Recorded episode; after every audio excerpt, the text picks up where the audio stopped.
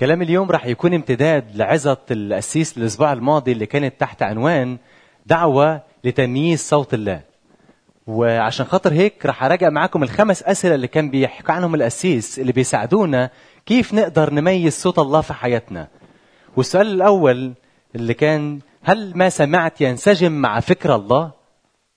هل ما سمعت ينسجم مع الوصية الكتابية؟ هل ما سمعت يجعلك تشبه يسوع المسيح؟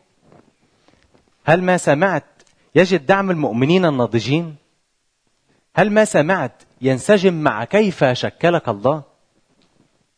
عظة اليوم راح تكون تحت عنوان دعوة لعيش صوت الله. وأول ما بنسمع مصطلح صوت الله بيخطر في بالنا سؤال ليه محتاجين نسمع صوت الله؟ هل محتاجين نسمع صوت الله عشان خاطر نعرف مشيئته في حياتنا ونعيشها؟ ولا محتاجين نسمع صوت الله عشان خاطر في أمر معين بنجد حيرة فيه ومش عارفين ناخد قرار. فعايزين نشوف الحل الأفضل للأمر دوا وأول ما بناخد ال ال ال ال الرد دوا خلاص ما بدنا نسمع صوت الله تاني. لما بنقع في مشكلة تاني أو نجد حيرة تاني بنروح لله عشان خاطر ندور لحل لمشكلتنا. وفي فرق بين مؤمن بده يسمع ويعيش صوت الله في حياته ومشيئة الله في حياته ومؤمن بده يعرف الحل الأفضل لحياته أو لمشكلته. والسؤال ده بيخلينا نتطرق لسؤال تاني.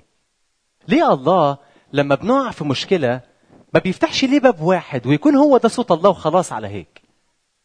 بس الله بيجاوب علينا ويقول لك أنا بحترمك كإنسان بحترمك إنك مخلوق على صورتي إنك أنت إنسان حر الاختيار بتقدر تختار اللي بدك إياه. أنا ما بدي أجبرك.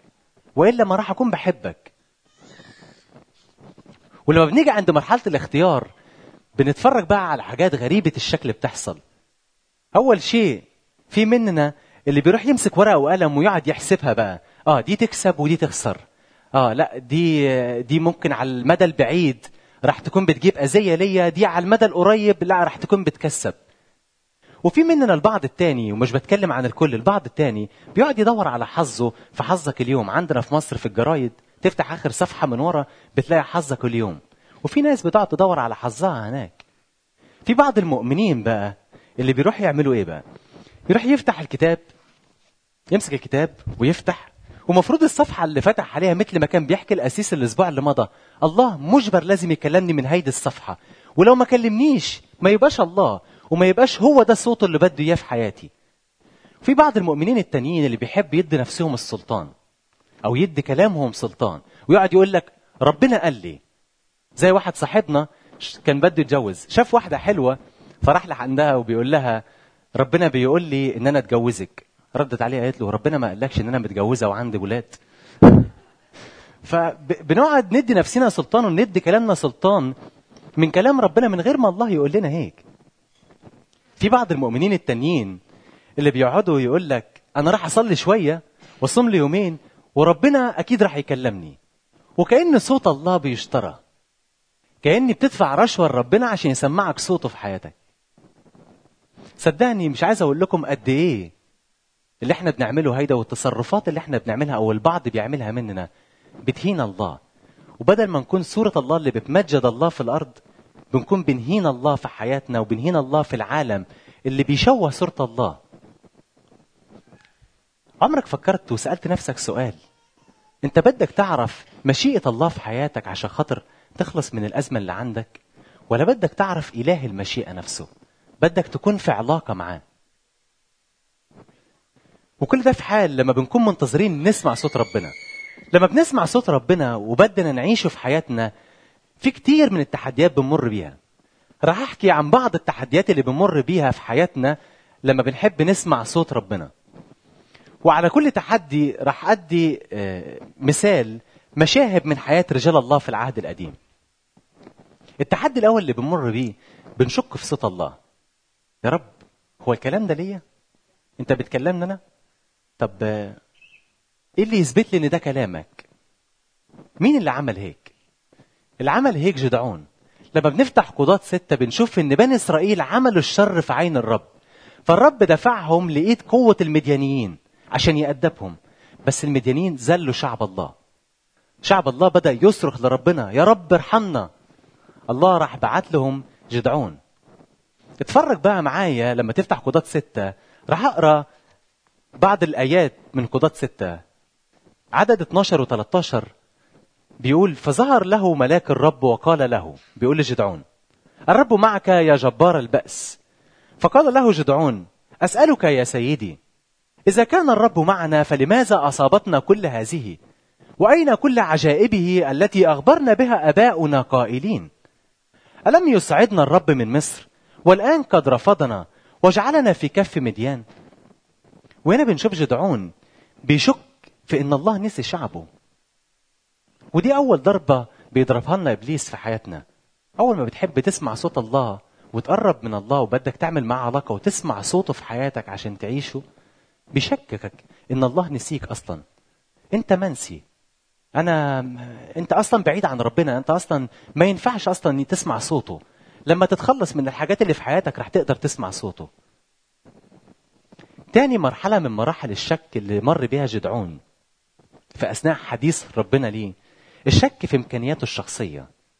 في عدد 14 بيقول له فالتفت إليه الرب وقال اذهب بقوتك هذه وخلص إسرائيل من كف مديان أما أرسلتك؟ فقال له أسألك يا سيدي بماذا أخلص إسرائيل؟ ها عشيرتي هي الذلة في منسى وأنا الأصغر في بيت أبي. ودي تاني ضربة بيضربها لنا إبليس. بيشككك في إمكانياتك. أنت صغير. أنت ما تستحقش. أنت ما ينفعش. معك شوية لحد ما تسمع صوت ربنا. لما تنمو في الإيمان شوية بشوية رح تقدر تسمع صوت ربنا. وبيقعد يحط ال- ال- الخرافات دي في ودنا وبتبدأ توصل بالفعل لينا كحقائق ونبدأ نرفض صوت ربنا ونشكك فيه. إخواتي بدي اليوم تكونوا بتاخدوا كل هيدا الأشياء لحياتكم ما تشوفوش إن هيدي قصة مر بين جدعون وحديث مر ما بين جدعون ما بين الله. هيدا إحنا بنمر بيه اليوم. ثالث مرحلة من مراحل الشك ما بين جدعون والله. الشك في إن الله نفسه هو اللي بيكلمه. لما في عدد 17 بيقول له فقال له إن كنت قد وجدت نعمة في عينيك فاصنع لي علامة أنك أنت تكلمني. لا تبرح منها هنا حتى آتي إليك وأخرج تقدمتي وأضعها أمامك. فقال إني أبقى حتى ترجع. وجدعون بالفعل راح قدم تقدمة لله والله قبل تقدمة جدعون جدعون يوقف شك لحد هون. ما وقف فضل يكف مع الله. قال لي يا رب لو انت بالفعل مثل ما بتحكيني رح تخلص هيدا الشعب بإيدي أنا عندي جزة صوف في البيدر. البيدر هو مخزن الغلال. لو دخلت ولقيت جزة الصوف هيدي كلها مية مبتلة والأرض كلها جافة راح أعرف أنت بتكلمني. وأعرف بالفعل أنك أنت راح تخلص هيدا الشعب بإيدي.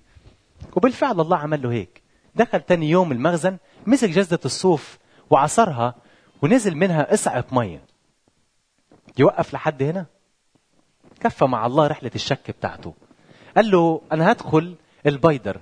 ولو لقيت الأرض جافة لو لقيت الأرض مبتله عكس المثل لو لقيت الأرض مبتله والقطعة الص- ال- جزه الصوف هيدي هي اللي جافة راح أعرف أنت اللي بتكلمني. وفضل يكمل مع الله رحلة الشك بتاعته. ولحد إمتى تقف رحلة الشك هيدي؟ ما بنعرف. لما بنخش في رحلة الشك هيدي بنقعد نتعمق شوية بشوية. أول حاجة بنشك في إن الله نسينا بعد كده نشك في إن الله هو اللي بيكلمنا أصلا. وكل شوية بنلاقي رحلة الشك بتاعتنا بتتعمق. إخواتي جدعون شك في صوت ربنا. زينا بالظبط لما بنشك في صوت الله. نقعد نقول لربنا اديني علامات. وللأسف أنا اللي بحط العلامات وبتكون علامات ساذجة وعبيطة. والله مطالب ومجبور لازم يكون بينفذ هيدي العلامات. ولو ما نفذهاش يبقى مش هو اللي بيكلمني. مش هو ده صوته. بناخد إحنا دور المخطط. نقعد نخطط ونرسم. والله يكون دوره هو اللي بينفذ. ولازم ينفذ. بنتعامل مع الله مثل ما بنتعامل مع مصباح علاء الدين. تعرفوا قصة مصباح علاء الدين؟ تمسك الفانوس تحك الفانوس. يطلع لك الجن ويقول لك شبيك لبيك عبدك بين ايديك. بنستنى ان الله يقول لك شبيك لبيك ربنا بين ايديك. بتبقى رايح تعمل الشر وعارف إن هو شر. وتقعد تقول لربنا يا رب أنا عندي صراحة حتة الشهوة زيادة عندي شوية. أنا عارف إن أنا آه، النميمة هيدي الخطية مسيطرة عليا. امنعني أنت إن أنا أعمل كده. طب ما أنت عارف إن هيدا الشر أنت عارف إن هيدا شر. شو مستني من ربنا؟ يمنعك إنك تعمل الشر؟ طب ما أنت عارف إن هو شر. الله ممكن يمنعك لو أنت رايح ومش عارف هيدا خير ولا شر. الله ممكن يساعدك ويديك علامات. لكن لو انت عارف ان هيدا الشر ورايح تعمل شر انت حر. روح اعمل الشر. ده كان التحدي الأول. التحدي الثاني اللي بنمر بيه لما بنسمع صوت الله وبدنا نعيشه في حياتنا هو إن إحنا بنحط صوت العلاقات فوق صوت الله. وإذا بدي أوضح نقطة هيدي في قصة كتير حلوة بتوضح هيدي النقطة موجودة في سفر الملوك الأول إصحاح 22 بنشوف عندنا في سفر الملوك الأول اصحاح 22 في عندنا ثلاث ملوك. في ملك أرام وملك يهوذا يهوشافاط وملك إسرائيل أخاب. أخاب اللي هو ملك إسرائيل تذكر إن في منطقة أو في مدينة اسمها رموت جلعاد المفروض يستردها لحكمه أو تحت سيطرته. كانت هيدي المدينة كانت تحت سيطرة ملك أرام. بده يروح يستردها فنازل يهوشافاط يروح يزور أخاب بحكم علاقة المصاهرة اللي ما بينه. ابن يهوشافاط متزوج من بنت اخاب فنازل يزوره ويقعد معاه. فاخاب بيقول ليهوشافاط أنا رايح لرموت جلعاد رايح أحارب وأسترد هيدي المدينة الالي بدك تروح معايا؟ يهوشافاط بلا ما يفكر راح قال له مثلي مثلك شعبي كشعبك وخيلي كخيلك. وبعدين راح افتكر يهوشافاط ان في واحد اسمه ربنا أنا المفروض أشوره في حياتي.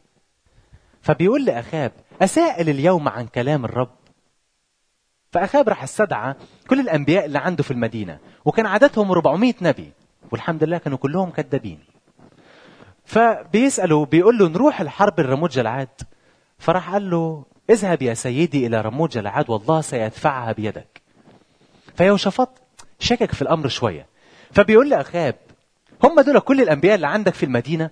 قال له لا في عندي نبي تاني اسمه ميخا بن يملة ولكني أبغض هذا الرجل لأنه دايما يتنبأ علي بالشر. فقال طب خلينا نجيبه ونسمع صوت ربنا من خلاله.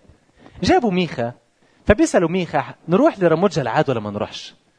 فميخا بيرد عليهم بيقول لهم رأيت بني إسرائيل مشتتين على الجبال كخراف لا راعي لها.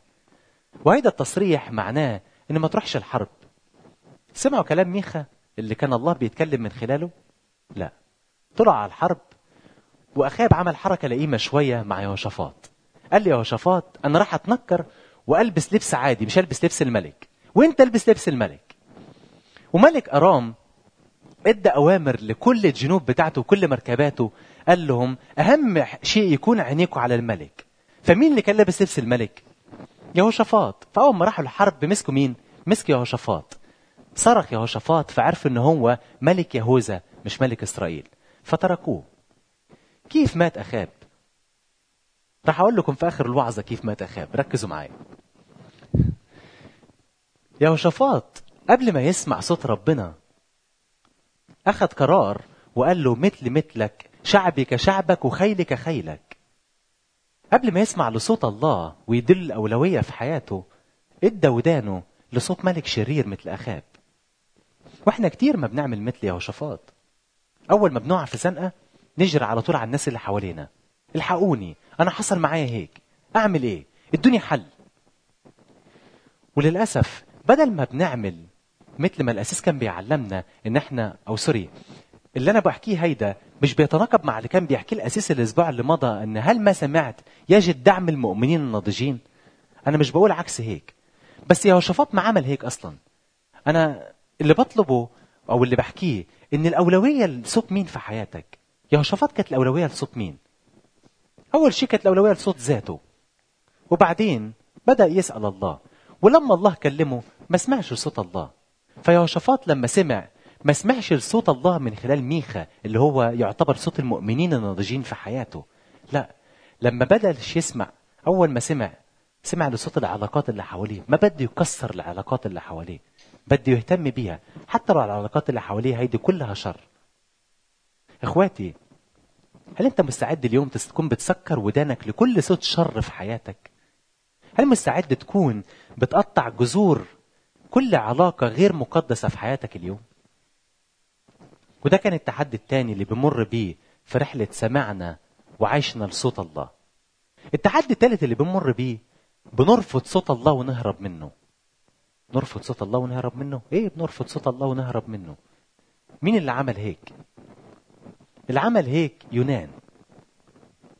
لما بنقرأ يونان الاصحاح الأول بنشوف إن الله بيقدم دعوة ليونان يقول يا يونان اذهب إلى نينوى المدينة العظيمة ونادي عليها لأن شرها قد صعد أمامي. يونان بيسمع صوت الله. ما عجبوش صوت الله. مش بيتناسب مع فكره. ركب مركب ونزل على ترشيش. هو رايح لترشيش. بنعرف كلنا القصة شو اللي حصل معاه. كبوه في المية. ابتلعته سمكة بدأ يصرخ لربنا يا رب ارحمني. الله يسمع لصراخه سمع لصراخه. بالرغم إن يونان هرب من صوت الله وما سمعش لصوت الله في حياته لكن الله لما يونان صرخ سمع لصوت يونان في حياته. وأنقذه وخلى هيدي السمكة تقذفه. بعد هيك بنشوف في اصحاح ثلاثة في يونان الله بيعيد نفس الدعوة ليونان يا يونان اذهب إلى نينوى المدينة العظيمة ونادي عليها.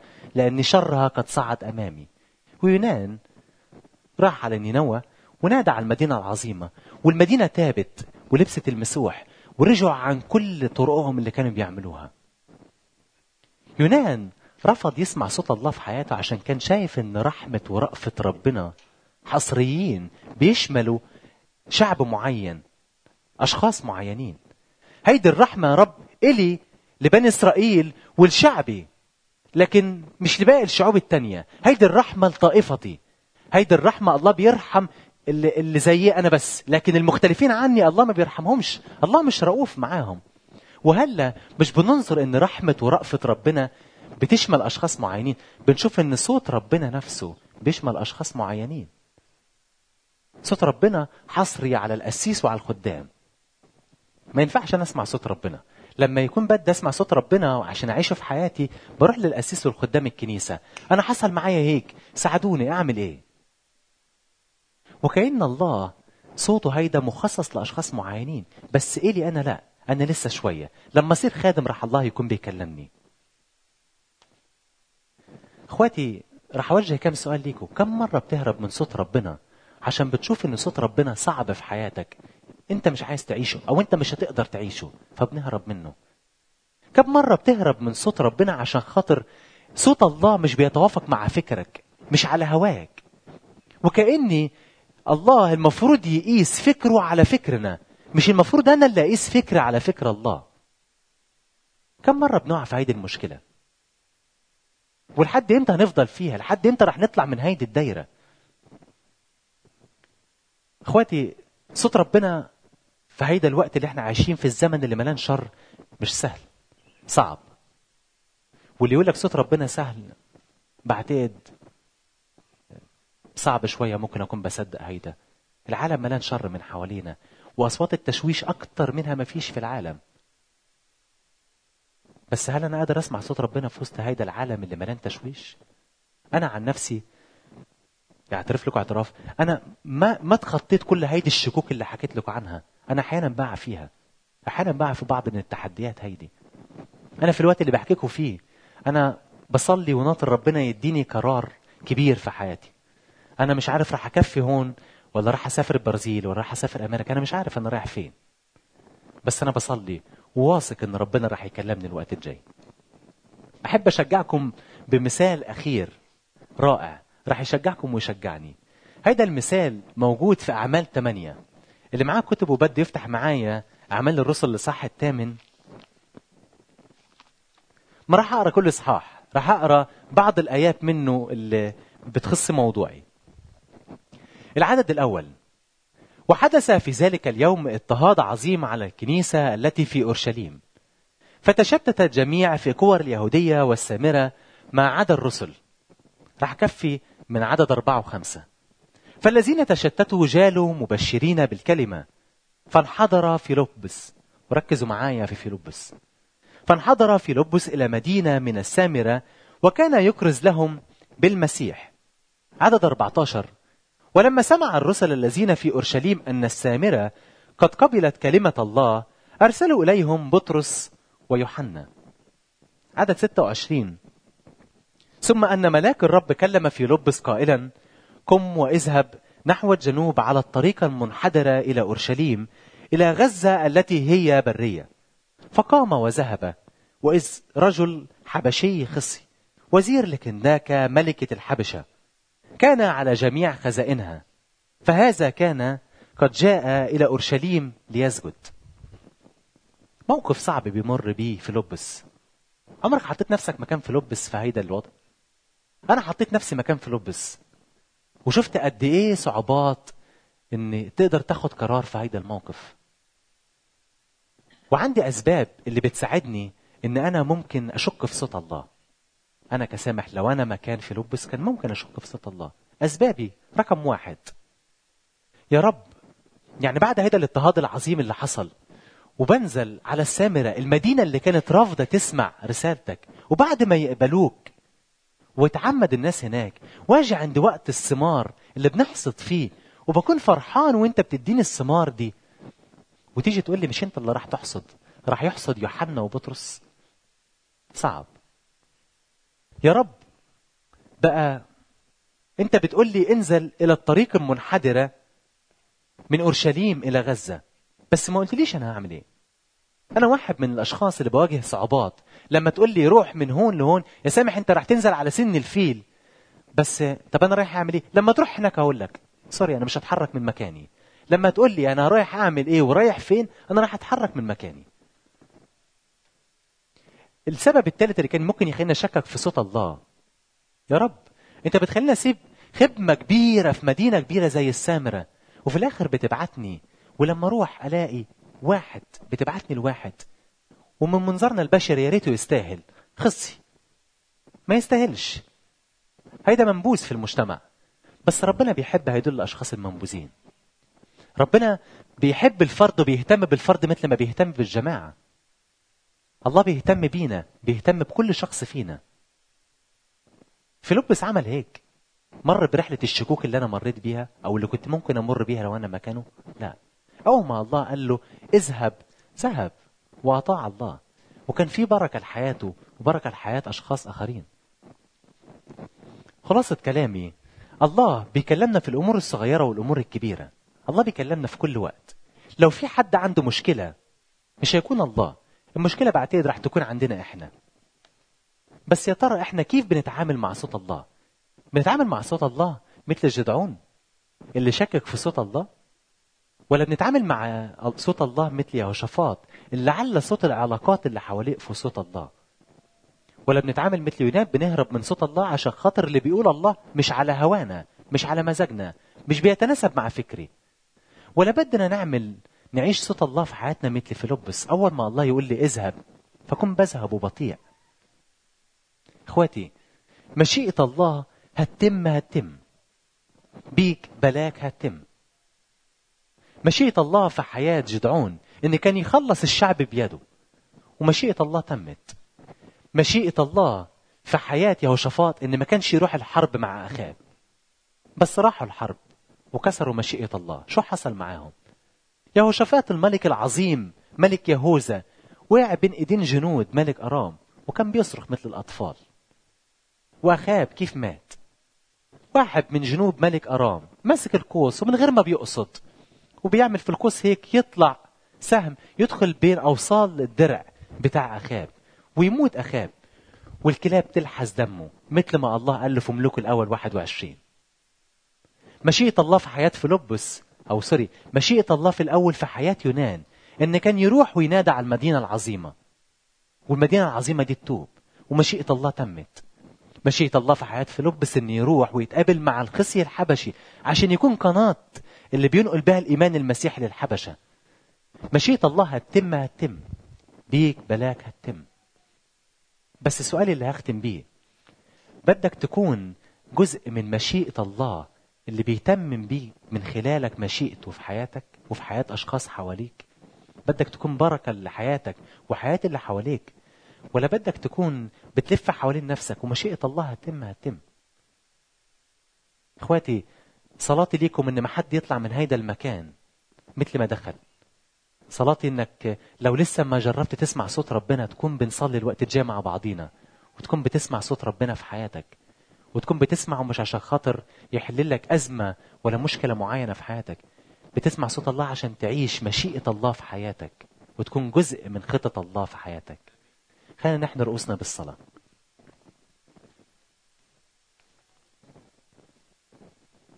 يا رب بشكرك من أجل شعبك. يا رب بشكرك من أجل أنت إله عظيم راعي صالح يا رب لخرافك.